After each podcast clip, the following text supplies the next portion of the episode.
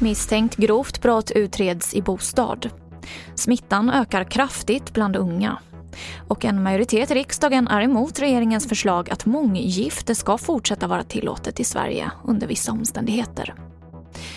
TV4-nyheterna börjar med att vi nyss fick in uppgifter att ett misstänkt grovt brott utreds på en adress i Älmhults kommun. Den misstänkta brottsplatsen är en bostad som har spärrats av i samband med utredningen och polisen är mycket förtegen.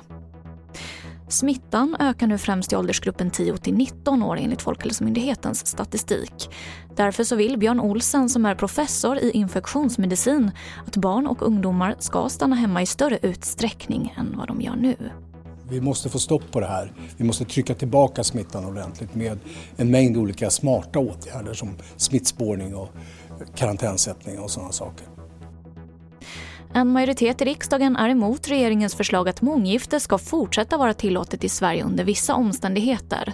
Enligt regeringens förslag till ny migrationslag så ska månggiften som ingåtts utomlands även i fortsättningen kunna godkännas i Sverige om det finns synnerliga skäl.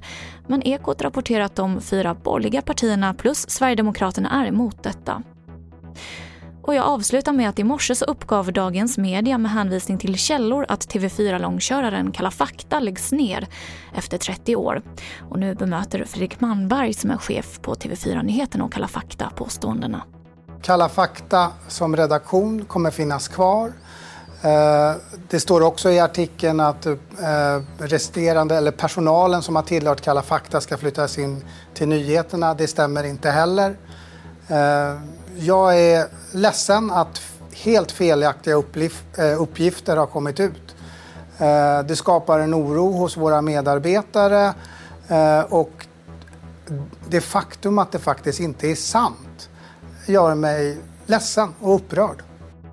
Och det var det senaste från TV4 Nyheterna. Jag heter Emily Olsson.